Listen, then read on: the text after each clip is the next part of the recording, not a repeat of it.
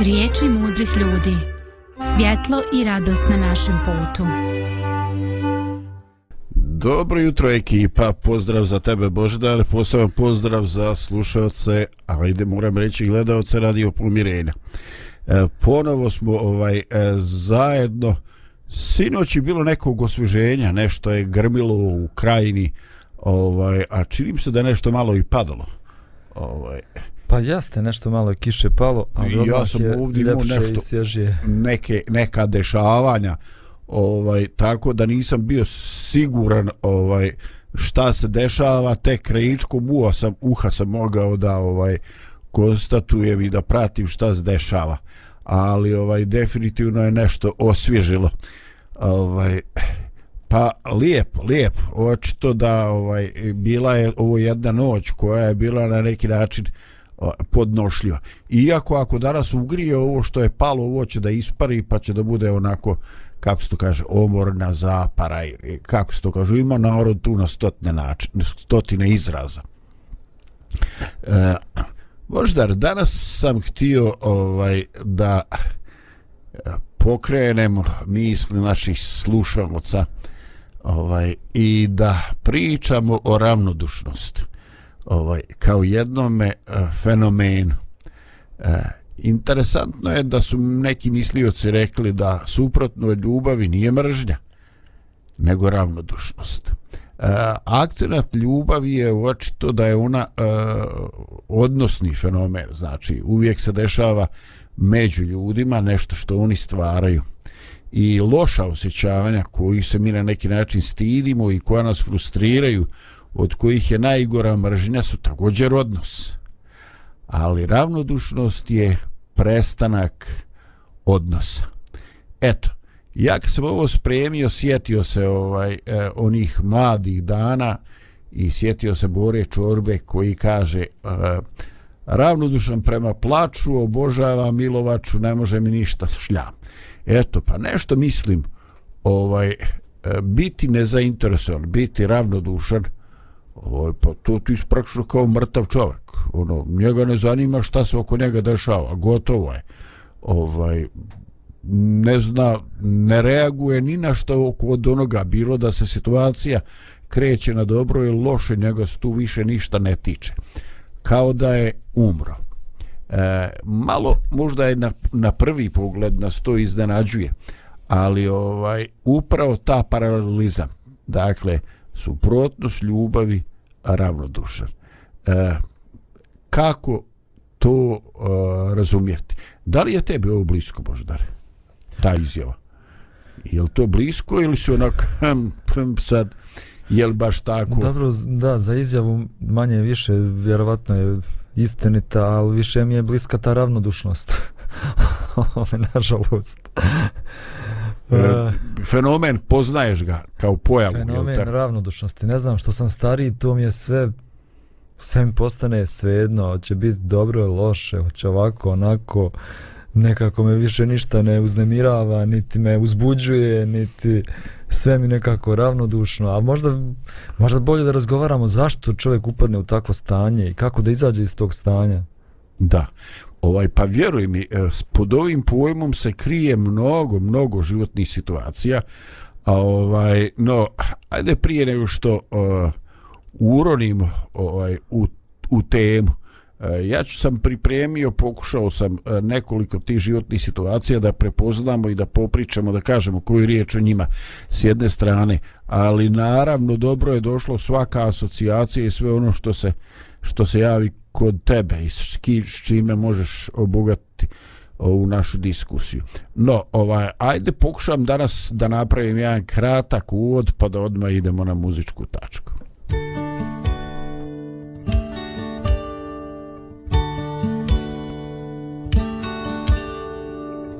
Sve doline i gore kažu tko si ti Ljetni lahor šapće tvoje ime. Svaka ruža kada stane nosi ti. Priča o tebi i ponosi se time.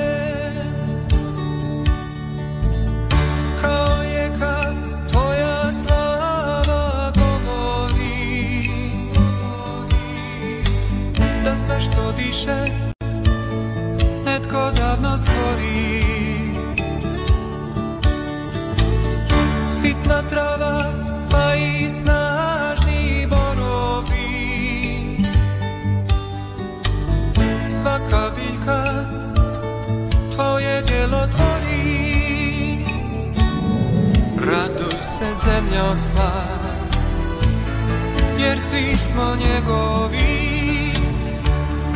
Raduj se na sav glas. Kličite brjegovi I ti vojsko nebeska. Daleki svjetovi. Svako ime nek te proslavi. Vali morski kad o tebi šapu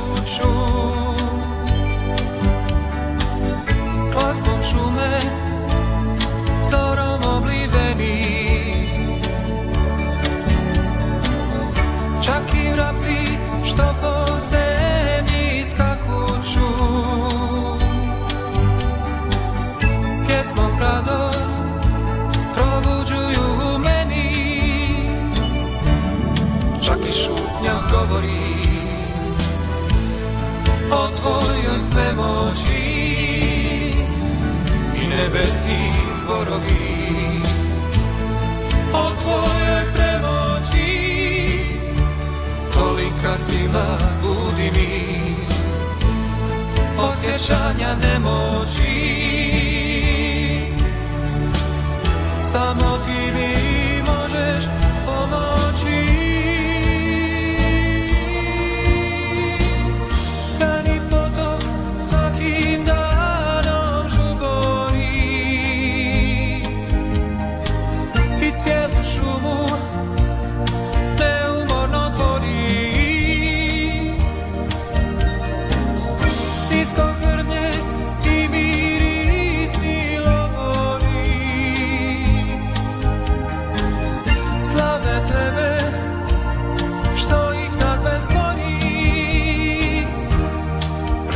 se zemljo sva Jer svi smo njegovi. Raduj se na sam glas Pričite brjegovi I ti vojsko nebeska. Daleki svjetovi Plemena zemaljska Jer svi smo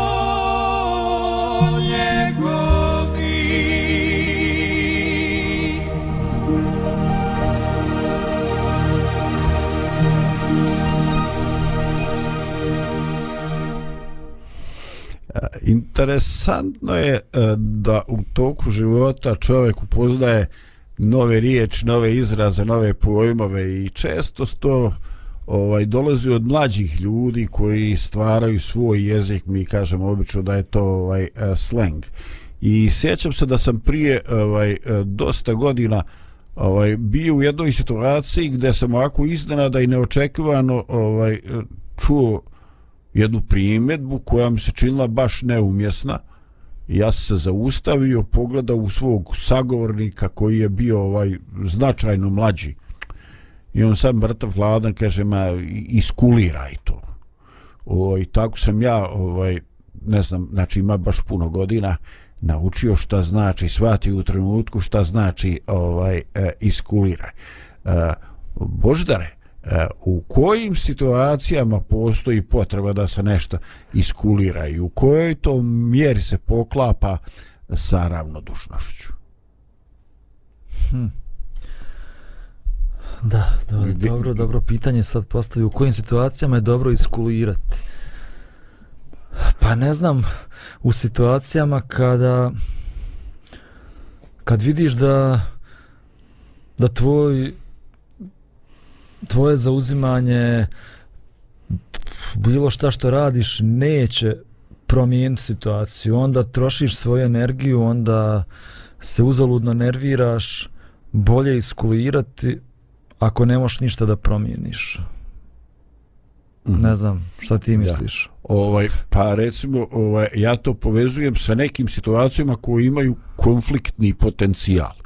Ovaj, znači, ovaj, mogu iskulirati, mogu preći preko toga, praviti se lud ko da ništa nisam čuo, a ovaj a mogu ući u raspravu. Ovaj, eh, s kim si ti najčešće u situaciji da iskuliraš stvari? Jer imaš ti nekoga? Da iskuliram stvari. Pa dobro, ja sam inače flegmatik, tako da se ne nerviram previše. Imam dosta flegmatika u sebi. To izbjegavam konflikte, izbjegavam sve tako neke situacije. Ne volim da se raspravljam. Rijetkom se to dogodi baš da upadnem u tako neku raspravu. Da. Okay. Uglavnom kulira. Uglavnom iskulira. Ja mislim da te navučem na bela i da priznaš ovo, o, ovaj, ja, šta znam, ovaj, kaže situacije koje imaju konfliktni potencijal. Znači, nešto iz, iz, što na prvi pogled ne čini se veliki problem, ako uđeš u rješavanje, onda to može da se is, iskomplikuje ovaj, meni se to, šta znam, pa meni se to dešava sa ženom čavače. Ovaj, eto, ja se neki put iznenadim, ovaj, e, čak jedan pokojna mati rekla, kaže, čoveče, ko vi ste gori od Italijana, ovaj, imate strašan, za tren se posvađate, za tren se pomirite, ovo i ono. I onda, ovaj, onda sam isto čuo situaciju, pa po koja što moraš da reaguješ, da iskuliraj, ovo i ono. Ovaj, ali, e, interesantno je, kad ti imaš potrebu da, da iskuliraš, E, ti obično imaš i potrebu da nešto kažeš. Znači, to nije ravnodušnost. Ovaj, čovjek koji iskulira, nije isključio da u njemu ovaj kipi. Možda je to umanjeno kod tebe kao čovjeka koji sam za sebe kaže da je na neki način flagme, flagmatik kao tip. Ali ovaj uglavnom uh, iskulirati situaciju znači nikako ne znači biti ravnodušan. Znači to je nešto što trebamo odbaciti. Iskulira je kontroliši se. A to nije poziv za ravnodušnost. Ovaj, interesantno je dakle u tim situacijama e, e, govorimo o izrazu eh, e, konfliktni potencijal. E, nešto što nam se na prvi pogled čini, čeka šta, šta sad tu nije jasno. Mislim, ajde da to riješimo odmah ovaj od jedan put kad se razmijenu riječ kad dođe do komunikacije ovaj osobe se neki put udaljavaju. Znači ne, ne postoji proces e sad te razumijem šta si htio šta si mislio šta si rekao nego se drugoj osobi daje a ti si meni rekao jel si ti mislio? Pa nisam mislio onda odbrana napad. Znači nevjerovatno je kako se neke situacije mogu pretvoriti. Ovaj ni luk jeo ni luk mirisao a našo se brate u belaju dok trepne šokom i onda treba ovaj sačekati neko vrijeme da se to ovaj e, riješi kaže da se izduvamo kod nas se kaže e sada postoji e, ja kad razmišljam u svemu tome postoji značajna razlika e, u pojmu ravnodušnosti kad se on odnosi na osobe koje su nama totalno ovaj nepoznate. Ovaj na primjer šta znam, ovaj e, pijana osoba, osoba nedolično ponašana ili oblačena, ovo i ono. Ovaj nekako je nama lakše da budemo ravnodušni prema tome. Ovaj e, ja sam jed, ovaj prije 30 40 godina ovaj čuo izraz kaže u nema nigdje ovdje u našoj zemlji kaže kad se čuje da se neko svađa tuče ili ne daj Bože puca svi lete da vide šta se dešava a ovaj a, na zapadu je taj odnos a, e, makar koliko sam ja bio u prilici da vidi ovaj mnogo izraženiji. Jednostavno a, radi ko šta hoće nije tvoj biznis nije tvoj problem i, i ti a, ideš. A, kako si ti to doželjao šta je tebe više optrećivalo u životu? Šta me više optrećivalo? Ja više volim da svako gleda svoja posla. više da. mi odgovara to da radi šta god hoćeš, to je tvoja stvar. Ne petljaj se u moj život, ja se ne petljam u tvoj život. Mhm. Mhm. Da. Kod nas svi vole da se upetljaju i svi vole da sve znaju. Sve eksperti. Svi su eksperti, svi daju savjete. Mo što daju savjete, čoveče daju, ovaj daju i ovaj daju i naređenja, sprovode sprovode odlu, odluke neke ono. Eto ja sam ja sam doživio da mi prilaze ljudi. Ono kad je ono bilo vrijeme, ono maski ovaj dolaze neki ljudi ono da te ovaj, da te upozori zaboravio si masku navući viriti nos i tako ja gledam eh, jesu to neki komunalni policajci jesu ljudi koji rade u toj ustanovi redari ma jok ljudi koji nemaju veze ni sa čim ali on je to je sad društveno poželjno i on je izvršilac on sebi dao za, za zadatak da on fino provodi odluke ovaj viših nekih organa i tako. Ja rekao, Bože, šta mi to treba? Ovaj, e, šta, šta je to tebe briga? Šta ja tebe ugrožavam? Jer ja se sam ja vidiš, te Da, to je sad zanimljivo kad govorimo o ravnodušnosti. Vidiš, mi, mi smo ravnodušni za probleme drugih ljudi. Hoće li se neko drugi zaraziti ili će mu se ne znam šta dogoditi, to smo potpuno ravnodušni. Ali, kad se tiče mene, ako si prišao meni previše blizu, a nisi stavio masku, uh, onda više nisam ravnodušan. Mhm. Uh -huh.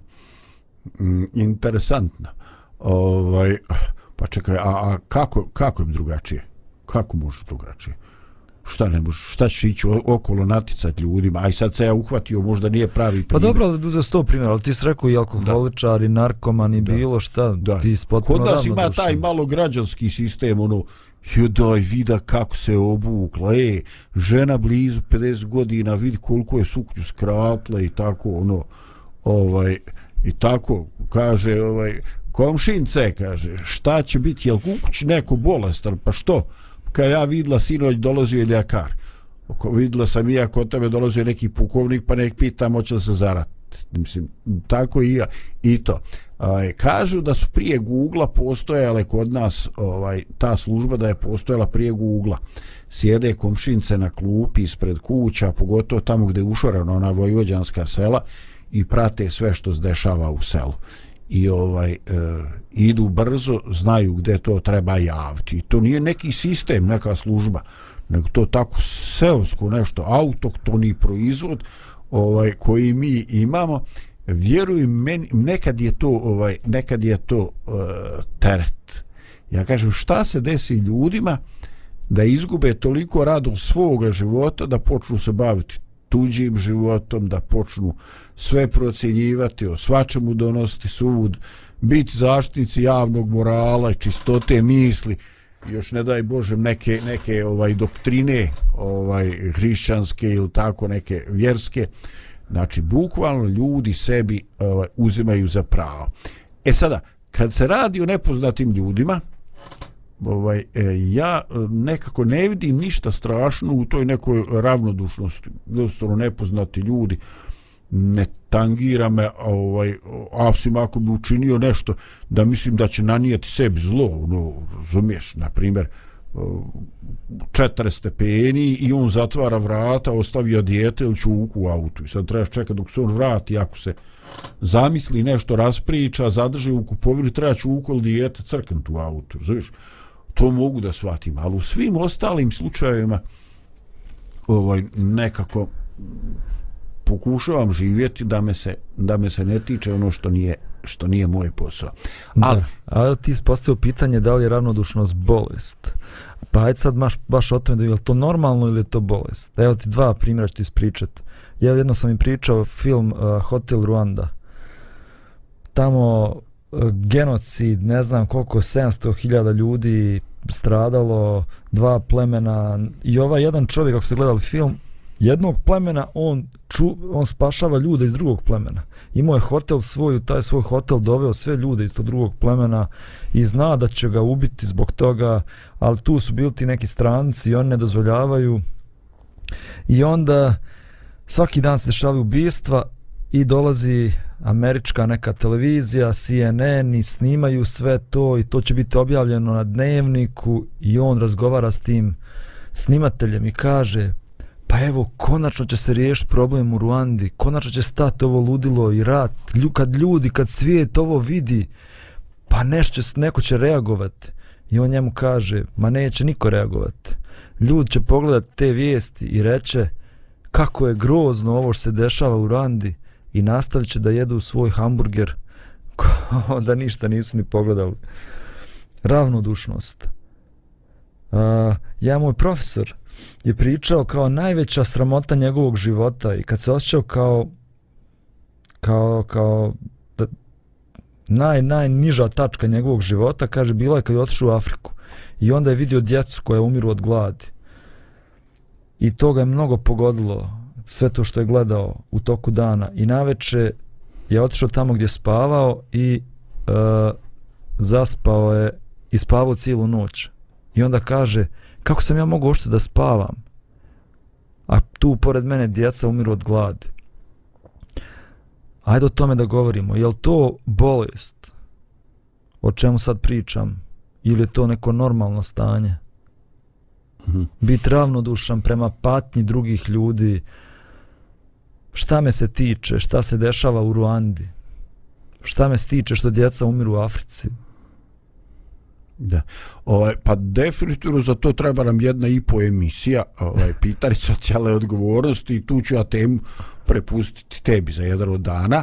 Ovaj, svakako ovo zaslužuje odgovor, ovaj, ali eh, mislio sam dok dođemo do te neke eh, nezainteresovanosti, ravnodušnosti prema nečemu što je, što je grupni, što je zajednički život, ovaj, da pokušamo osvijetliti dinamiku toga ovaj, kad se radi o pojedinačnim odnosima. Ovaj, eto, na primjer, kad se radi o mm, nepoznatim ljudima, to smo već spomenuli, pa nekako ta ovaj, ne, ravnodušnost je donek i ni prihvatljiva.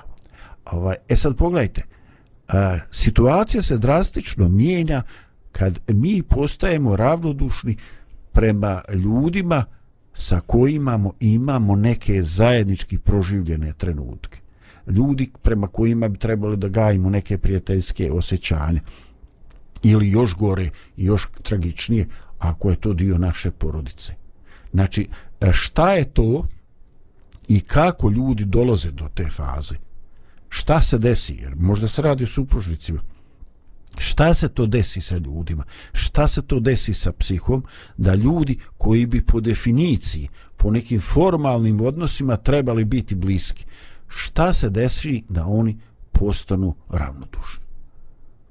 Koji je, koji je, to, koji je to fenomen? Znači, oni se, oni se čak više ne mrze, jednostavno više nije stalo. Šta te takva situacija govori? Kako bi ti procinio tu taj level, taj nivo do koji su odnosi došli. Da, pa ti si rekao na početku da. da je ravnodušnost suprotnost ljubavi. Da. To znači da je nestalo ljubavi ako su ljudi postali ravnodušni. A nestalo je ljubavi zato što nisu ulagali u tu ljubav. Zato što su smatrali da je zaljubljenost ljubav. Ne znam, i zaljubljenost se vjenčali, onda došli brat, onda porodični bračni problemi, tereti života, nestalo te zaljubljenosti i pojavila se ravnodušnost prema bračnom drugu. Mislim... Uh, u čemu je razlika sada da... Uh, I koja je situacija po tebi gora? Kad se iz te zaljubljenosti uđe u, u nešto, ono, ne mogu očima gledati, ide mi na živce, i ravnodušnost. Šta je za tebe teža situacija i koja od tih odnosa e, veza ima manju, slabiju perspektivu? Kakvo je tvoje iskustvo? Znači, tamo gdje postoji averzija, ono, ideš mi na živce, znaš, ono, i, ovaj, i situacije kad je, kad je, ovaj, ravnodušnost. Baš me briga. Sad, teško mi da pričam iz nečega što ja nisam iskusio. Ja mogu da, da se iznerviram na svoju suprugu zbog nekog zbog nekog konflikta, zbog ovaj neke svađe, pa da onda kažem nerviraš me, iritiraš me. Ali tu ali kad upadneš, ali kad upadneš u stanje takvo da te tvoj bračni drug iritira i nervira non stop i svakog dana i kad ga vidiš da te iritira i nervira, mislim da je da je to već kraj, to je kraj, to je kraj odnosa. A ravnodušnost, a ravnodušnost isto može tako da nastane zbog zbog konflikta nekog, zbog svađe i nešto što predugo traje. Da. A vidiš moje iskustvo, ti možda i znaš neke detalje, mislim možda, znaš neke detalje i mog privatnog života. Ovaj, eh, definitivno eh, čak i svađa je pokušaj da se srede odnos. Ali ovaj ravnodušnost je gora situacija. Ravnodušnost znači da više niko nema energije, ni želje, ni volje da ulaže u te odnose. I ovaj e, koliko god to za one posmatrače sa strane djeluje manje konfliktno kao e, pa nisu svađali sedam dana a oni definitivno umire njihova veza. Dok se svađali bilo je nade ali ovako ovaj, e, tako znači iz neke moje perspektive ajde da se ogradim iz nekoga mog iskustva ravnodušnost je bolest u, u nekoj termalnoj podmakloj fazi o, na. naravno ovaj, on ti spomenuo i onaj nivo, neko te iznervira trenutno i neko te konstantno nervira i to ovaj to je neko hlađenje postepeno postepeno ovaj udaljavanje i nešto treba podhitno napraviti neki napraviti neki zaokret. Ali ovaj mislim kad se spomene e, ravnodušnost e, onda je stvarno e, situacija već otišla možda čak i predaleko. Ovaj dobro e, možemo spauzirati sa još malo muzike.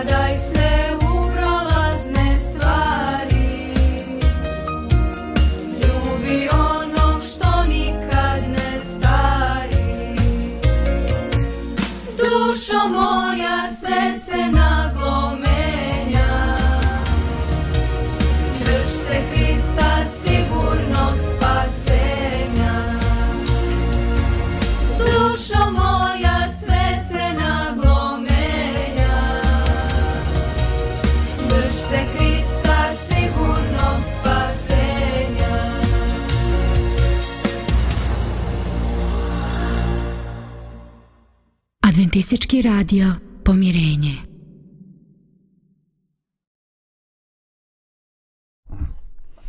E, ponovo smo zajedno i razmišljamo o teškom problemu e, ravnodušnosti. I ono što za nas posebno ovaj, je bolno kad je ravnodušnost postane e, pojava koja je se dešava unutar porodice E, koja se dešava među ljudima koji su e, nekada dakle e, bili ili smatrali ovaj, da su bliski I to je zaista nešto što po svim karakteristikama odgovara opisu bolesti. Dakle, odnosi kojima podhitno treba neka terapija, treba zaokret, možda i nešto što će ovaj, zaktivati neku radikalnu, kažu medicinari, invazivnu ovaj, e, terapiju. A, kako učiniti da jednostavno e, do takve situacije ne dođe. Postoji li neki kriterijum da mi možemo s vremena na vrijeme, ono kao na mobilnom, da kaže provjer koliko imaš na računu. Znači, postoji li neka, e, neki način da mi kontrolišemo ovaj, dokle smo došli, u kojoj se fazi nalazimo, da bismo se mogli da mogli trgnuti na vrijeme da ne bismo ovaj dozvolili e, sebi da odemo uh, predaleko. E sad naravno ja prvenstveno mislim na porodicu, nebitno da li se govori o partnerima, da li se govori o odnosu sa djece, roditelja, ali uglavnom govorimo o porodici, o bliskim prijateljima ovaj, i tako. E, Boždara, kakvo je tvoje iskustvo? E, ajde ako nisi imao to iskustvo unutar porodice, mi kažemo narodu Bogu hvala. Ali vjerovatno si imao određena razočarenja u odnosima s ljudima, imao si neka prijateljstva možda koja si doživio kao iznevjerena. Kako si to kasnije racionalizovao u svojoj glavi? Kako i zašto se to desilo? I imaš li neki mehanizam koji si prepoznao? A, pa dobro, evo, neću odgovoriti na tvoje pitanje, ali više bih volio da govorim o odnosu sa samim sobom, zato što vjerujem da puno ljudi osjeća tu neku životnu ravnodušnost i a, nedostatak uzbuđenja, apatiju za životom, svaki dan isti, uvijek sve isto. Možda o tome da, možda više o tome volio da govorim kako se to dešava. Pa izvoli. ovaj, da, pa evo, rekao sam ti da ja nekako zadnjih, zadnjih mjeseci se nekako osjećam pomalo ravnodušan. Uh, apatičan, da mi je svejedno kako god bile stvari se dešavale, nešto me previše ne uzbuđuje. Mislim da jedan od razloga je taj što dođemo u stanje iscrpljenosti. Uh -huh. uh, prevelikog stresa, prevelikog umora, uh, nema balansa u životu i jednostavno dođeš u takvo stanje kad si psihofizički istrošen. To se često dešava kod ljudi u našem vremenu da se preforsiramo. Evo ja lično puno nekih različitih stvari radim u isto vrijeme. Ne nađem vremena za rekreaciju ne nađem vremena za odmor i onda dođem u stanje da više nemam života u sebi. Beživotan sam. Ravnodušnost je beživotnost nemaš da. životne energije nemaš životnog elana to može biti jedan razlog Drugi razlog je kad ljudi nemaju neki cilj kojem streme, nešto čemu radiš za neki cilj, želiš nešto da ostvariš u životu, da nešto postigneš u životu i ako izgubiš taj cilj ili ga nemaš uopšte, onda možda upadneš u stanje bezvoljnosti, ravnodušnosti, apatije. Uh, još sam imao jednu stvar koju sam htio da kažem. E, dobro, ajde dok ti tražiš. To. izvini, izvini, evo, pesimizam. Znači, kod nas, evo, ne znam šta ti misliš, koliko situacija kod nas u društvu utiče na apatiju, ravnodušnost, bezvoljnost. Ja sam, evo, slušaj ovo sad, mi pripremamo jedan kamp, tu će doći mladi iz Srbije, Bosne, ali će doći neki mladi iz Kanade, iz Njemačke, iz nekih drugih zemalja. I mi smo njih sad u tom uh, oni su svi morali upitnik da popune prijavu i tu smo ih na upitniku pitali koje imaš sposobnosti, vještine, ne znam, znanja. I ovi svi zvana Pa to se raspisali milion stvari, zna da pjeva, zna da svira, ovaj instrument, onaj instrument, zna kompjutere, zna sve to. Ovi naši, ništa znači, ništa. Od njih 27 iz Srbije, Bosne, ne znam, nije odavde, troje njih samo napisalo da ima neku vještinu. Pa se pitam, ne znam, koliko život u ovom našem okruženju, u našem društvu utiče na to da mi budemo eto, apatični. Da tako doživljamo, da. Ovaj, a da li, e, šta je sad tvoje mišljenje? Ovaj, da, li, da li ta djeca ovaj, koja žive na nekim drugim prostorima, da li misliš da oni stvarno imaju više darova ili talenata ili ovi jednostavno naš, ajde da kajem domaći, naš eksiju prostor, ovaj, da oni to ne doživljavaju kao nešto, jer oni to podrazumijevaju da sto da je to sve normalno i znači ne nalaze za shodno da to navedu kao svoj dar, sposobnost, mogućnost ili misliš da ima manje? Kakvi je tvoj dover? Pa mislim da oni tamo imaju mnogo više samopouzdanja. Da od malih nogu njih tamo vaspitavaju, školuju, edukuju na takav način da ti možeš, ti znaš, ti sposoban, ti imaš sposobnosti, ti ćeš da uspiješ u životu, ti ćeš da mijenjaš svijet. Tamo neke škole gdje sam ja bio, ovaj, tamo na, na vratima škole piše, ne znam ja, mijenjaj svijet, e, tako nešto. To je njihova vizija. Dok kod nas te ubiju pojam u školi, ti ne znaš, ti nemaš pojma, ti si idiot, ti si kreten, ti... Svi ti to govore od malih nogu. Niko te ne podržava, niko te ne hrabri, niko te ne motiviše, u, u, u razredu učitelji, profesori slabo to rade da stvarno motiviš u džake i ti, ti imaš sposobnosti, ali ti uopšte nisi ni, ni siguran u to, niti, niti smatraš... Kome to treba, pitaš se? I kome to treba i da li je to uopšte važno, da li to... Da li ja stvarno sam sposoban ili je to samo, eto, znam da pjevam, ali stidim se, pjevam samo u kupatilu kad me niko ne čuje, to mi nešto to mi nešto poznata situacija ovaj da. Ovaj pa znaš šta ja definitivno ti si odgovorio na to pitanje. A ako postoji razlika u ponašanju jedne uh, jedne skupine koja je unapred znači grupacija starosna ako postoji razlika onda znači postoji nešto ili u mentalitetu ili u unutar životnih okolosti koja stvara taj obrazac ponašanja, evo mene viđa, mene najbolji i tako, ili je to neko ovaj, eh, ili je to neko oh, povlačenje. Eh, šta znam, eh, ono, ono što ja vidim ovaj, eh, na mrežama, ovaj, eh, da ljudi jednostavno žele da se eksponiraju i ovaj eh, to ostvaruju po cijenu i, i sobstvenog blamiranja. Znači, pa makar pao s kruške i polomio ogradu ispod sebe ili provalio bazer ili ono, znači što situacija luđa, to veća gledanost, veći broj a, lajkova. A, e sad, s te strane bi čovjek pomislio kako su ti ljudi, ovaj, e, kako su ti ljudi, e, ajde da kažem, samouvjereni, hoće da se dokazuju. Ali, ovaj, e, s druge strane, izbor tih stvari kojima oni hoće da se dokazuju, govori da mi imamo da mi imamo problem.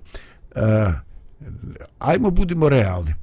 E, odu naši studenti iz Bosne i Hercegovine ili šta znam iz neke od ovih naših zemalja i osvoje ovaj osnove neke medalje na olimpijadi iz fizike, matematike, informatike i tih neki ajde kažem e, e, modernih ili zahtjevnih e, područja života, školovanja i tako i ovaj kad se vrate mislim ono nikom ništa. Znači ono to uopšte nije vijest. Pitanje koliko portala koliko će novina prenijeti da smo recimo da je naš student u Japanu na takmičenju informatičara osvojio prvo drugo mjesto. Mislim ono. Ali ako je neko iz realitija uradio nešto ovaj e, e, ako su mu rekli da je on otac i on sad traži da ovaj, DNK test, to je čoveče vijest, to se javljaju ljudi, ono, ovaj, eh, vjerojatno sam ja ostario, pa sam zato, e, ne, ne mogu više podnijeti te stvari. E, zašto postoji potreba da se u fokus dovode stvari koje su ranije bili tretirani kao, kao razlog za liječenje? Ovaj, mi, to, mi kao da živimo u vremenu ono što je prije bilo posve nenormalno, sad je to interesantno, sad je to cool i ako si ti takav, to je kao ono ovaj, razlog, dobijaš lajkove i tako. E, koli, ono, što, ono što je za mene pitanje neriješeno, ja ne bi, ne, nisam sklon da donosim pr, e, brze zaključke. Ali koliko mi možemo uopšte suditi nekoga drugoga društvo ili ovaj, koje društvo? Pa mislim, mi, mi u komšiluku da imamo neke zdrave obrazce, ne bi nas kvarila ni jedna televizija. E, mi nekako ovaj, e, iz moje perspektive skidamo tu neku ličnu i porodičnu odgovornost ovaj, i hoćemo optužiti sve sistem, državu, vrijednosti. Pa mislim, ko, ko pravi vrijednost? Hm. Da, pa definitivno evo rekao sam razlika, lakše je lakše je da imaš neku zdravu sliku o sebi, da imaš samopouzdanje, da vjeruješ da možeš da sa svojim životom nešto postigneš, da, da imaš neki svoj životni cilj, san i da ideš ka tome u društvu koje slično tako razmišlja i u društvu gdje te podržavaju, nego u nekoj suprotnoj situaciji. Ali opet to ne znači to ne znači da ne možeš i ovdje. A to je problem, što mi, većina mladih ljudi i uopšte većina ljudi ovdje kod nas, u našoj, našoj zemlji, u regionu, smatra da je nemoguće ovdje da postigneš nešto u životu ako ćeš biti pošten, ako ćeš biti moralan. I zato svi se trude da odu odavde, većina mladih želi da napusti ovu zemlju, jer lakše će svoj san i svoj cilj u životu ostvariti negdje drugdje. To je, da. to je vjerojatno tačno, ali opet, moj san ili cilj mog života ne zavisi ni od države ni od ljudi nego zavisi od mene. Da. Ja moram da vjerujem i da, da, da kažem bez obzira u kakvoj se ja situaciji nalazim i okolnostima cilj mog života zavisi samo od mene jedino od mene. I moram da imam jedan pozitivan stav u životu koji će da me gura da to da težim ka tom cilju i ka ostvarenju tog cilja. To je fantastično i ja su startu slažem sa svim. Iako vjerojatno ostaje ono ovaj pitanje čovječe kako, kako naći načina, energije, metod, kako sad biti dovoljno skoncentrisan. Ovaj, no, e, mi polako dolazimo do našeg završnog dijela u kome bi volio ovaj, e, da odgovorimo na ova sad tvoje zadnje pitanje, ali i da spomenemo e, taj neki problem e, problem ravnodušnosti koji ulazi i u sve pore života pa i u naš e, religiozni život.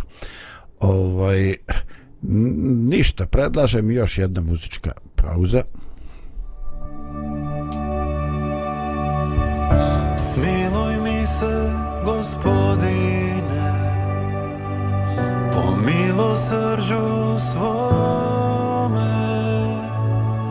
Smiluj se oprosti mi. Sve bezakonje moje. Kriste Bože smiluj se. Ja zgriješih tebi samo. Učinih zlo Grijeh je moj svakda sa mnom.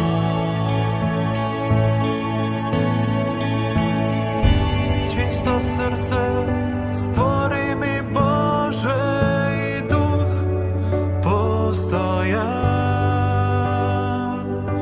Vrati mi radost spasenja i učvrsti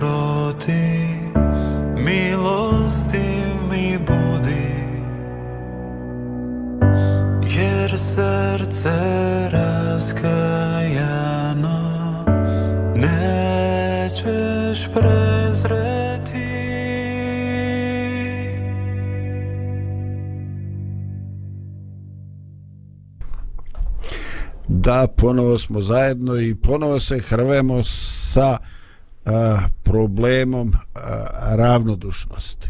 A, naravno, a, lako je o tome govoriti u smislu da primjećujemo fenomen, ali kad dođemo u tu fazu mentalnu, psihološku, onda je zaista problem kako pronaći snage, motivaciju, inspiraciju da se sa tim problemom borimo e, postoji, vjerovali ili ne, taj e, problem ravnodušnosti postoji i u religiji.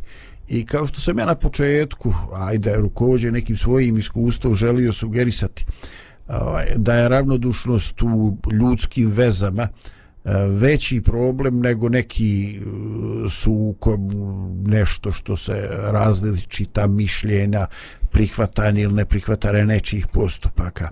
Zašto? E, zato što je e, svaki konflikt još uvijek odnos, a ravnodušnost je nezainteresovanost za kontakt, e, gubitak konekcije. To znači da su to ljudi idu putovima koji divergiraju, koji se razdvajaju i kako vrijeme prolazi, oni su sve dalje jedni od drugih.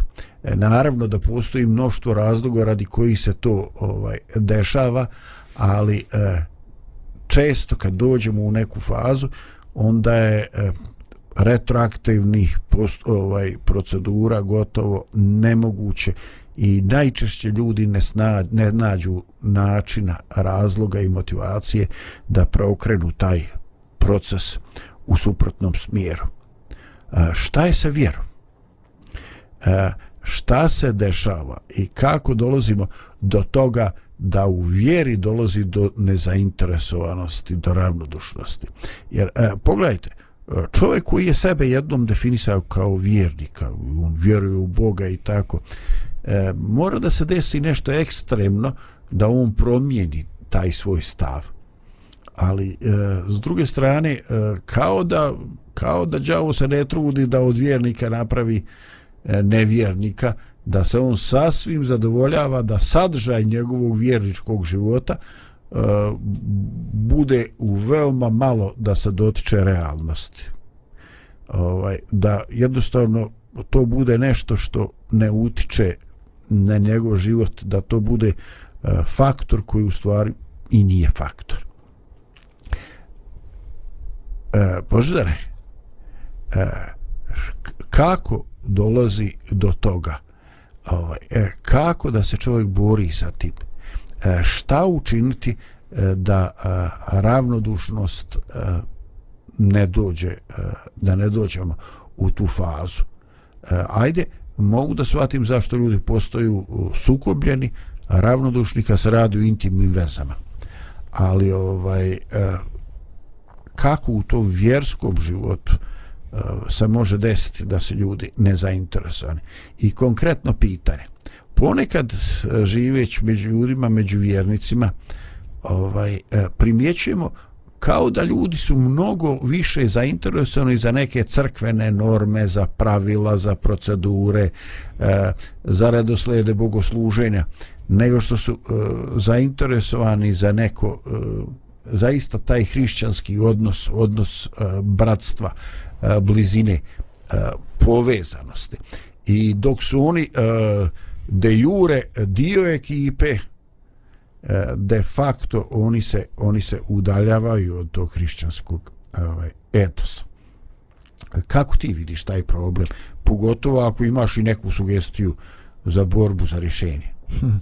A dobro, više ću govoriti o ovom prvom pitanju koje je postavio, mm -hmm. a to je kad mi dođemo u ravnodušnost u odnosu sa Bogom. Uh, to se dešava zato što mi ponekad pogrešno shvatamo religiju kako dolazi do sukoba i do ravnodušnosti u odnosu dvoje ljudi ili u braku. Zato što smatram da moje potrebe nisu zadovoljene. E tako mi često prilazimo Bogu smatrajući da je Bog neko ko treba da zadovolji sve moje potrebe. Bunar želja, ili nešto? Jeste. Da. Ovaj, Bankomat. Baš tako. Takav sam ja nekada bio.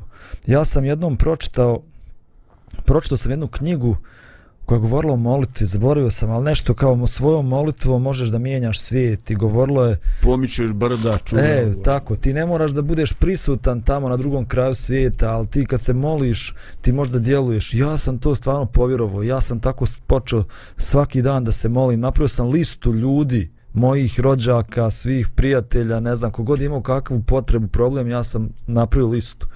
I onda sam ustao ujutro i molio sam se da Bog pomogne. I zanimljivo da se to sve i dešavalo. Znači šta god sam ja na toj listi napisao i molio se, Bog je tako odgovarao. I sad bi mogao da pričam ovdje, ali neću sad neki drugi put ću pričati. Mnoga iskustva koja sam imao. I što je više tih odgovora na molitvu bilo, to sam ja ranije ustajao i to je moja lista bila duža i to je trajalo jednu tako dvije godine. I poslije dvije godine to sve prestalo. Ja i dalje ustajem, molim se, odgovora nema, kao da Bog više ne sluša moje molitve. Mm -hmm. Ja ljut na Boga, Pa evo ja se trudim, ja ustajem ujutro. Ja po, po, povećavam radne sate, Bože, a ti nešto utanio. A ti ništa se ne javljaš. I, I stvarno to potrajalo vrijeme. Ja sam bio baš razočaran u Boga.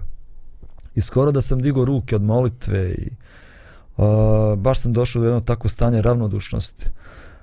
I onda sam pročitao Isusovu molitvu oče naš i onda sam shvatio šta je bio problem. Isus se tamo moli za Božje interese za njegove potrebe, da se sveti ime tvoje, da dođe carstvo tvoje, da bude volja tvoja na zemlji kao što na nebu. A onda poslije toga se moli za jednu jedinu svoju potrebu, a to je bilo hljeb. Hljeb naš potrebni, ne boli samo za sebe, no hljeb naš potrebni daj nam danas. To je jedino što je molio, fizička neka potreba.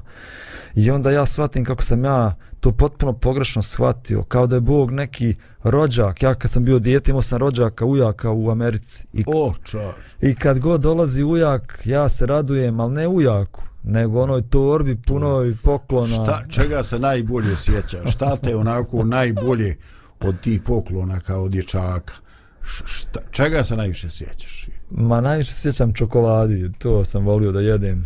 Aha, ovaj. I tetka iz Njemačke kad je dolazla, to je uvijek rekao bilo. kad to čovjek gleda? da, ali eto kažem, tako i Bog se pretvorio u tog mog bogatog ujaka. Ne zanima mene Bog, ne zanima mene šta on želi na ovom svijetu, šta želi u mom životu. Ja imam listu svoju, mene jedino to zanima. Uh -huh. Ova, I zbog toga mi dolazimo u jednu apatiju sa Bogom. Kad shvatimo da kad nam postane bitno ono što Bog stvarno želi, kad mi želimo da da njegovi ciljevi, njegove ambicije se ostvare kroz naš život, onda, onda to nikad neće biti anapatičan odnos, niti beživotan odnos. Evo, tebi sam danas poslao jedan stih. E, da, da, da, ova, e, juče sam te napuo ovako pred svima, pričaš kako si slao nešto super, ono, e, kao što nisi poslao meni. E, narode, da vam kažem, evo, Boždar jutro s meni poslao, ja pogledam, ono, kliknu mobilni na Viberu, ovaj, poslao on super, super stihove posla. Evo, stihovi baš za ravnodušne, beživotne, apatične ljude, kaže, oj, žedni, koji ste god, hodite na vodu, koji nemate novaca, hodite, kupujte, jedite, kupujte bez novaca i bez plate, vina i mlijeka. I onda kaže, zašto trošite novce svoje na ono što nije hrana i trud svoj na ono što ne siti?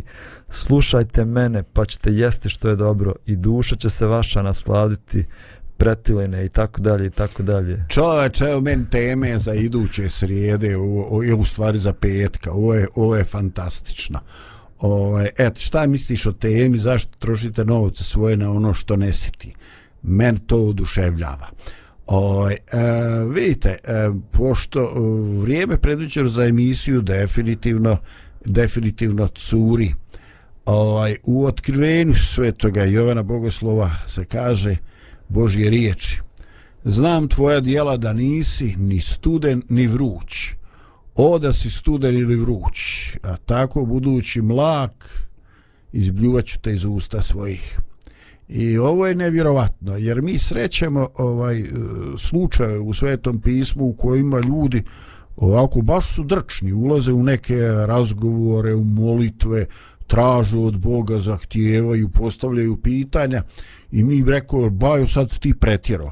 A ovamo vidim da i Bog onako baš tolerantan, ono, da čeka da im dođe ovaj, taj, da se prevali taj najveći put iz ovaj iz južne hemisfere do glave ovaj i vidimo sve to znači bog im ne zamjera i ti su ljudi vrući iako ne shvataju i bog strpljivo čeka da oni shvataju i ovaj e, problem ljudi koji su hladni koji jednostavno se e, bune koji to ne prihvataju ali očito da je bog kod boga najveći problem i najgora dijagnoza kad je čovjek mlak kad je apatičan a, kad je nezainteresovan i kad ne zna šta bi sa svojim životom.